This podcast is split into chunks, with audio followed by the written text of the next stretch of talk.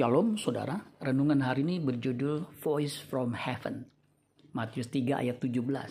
Lalu terdengarlah suara dari sorga yang mengatakan, Inilah anakku yang kukasihi, kepadanya lah aku berkenan.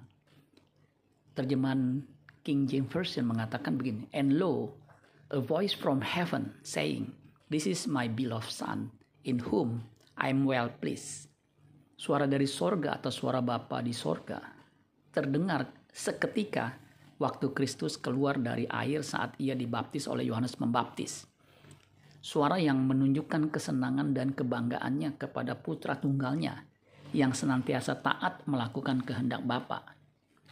Matius 3 ayat 15. Lalu Yesus menjawab katanya kepadanya, "Biarlah hal itu terjadi karena demikianlah sepatutnya kita menggenapkan seluruh kehendak Allah." Dan Yohanes pun menurutinya.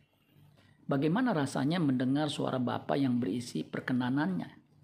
Sulit dibayangkan, tapi bisa dirasakan.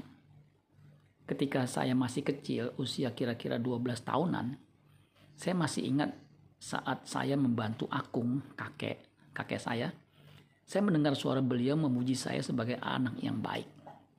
Bagaimana dengan umat PB, umat perjanjian baru yang adalah anak-anak Allah? Apakah kita sudah benar-benar sebagai anak Allah yang berkenan?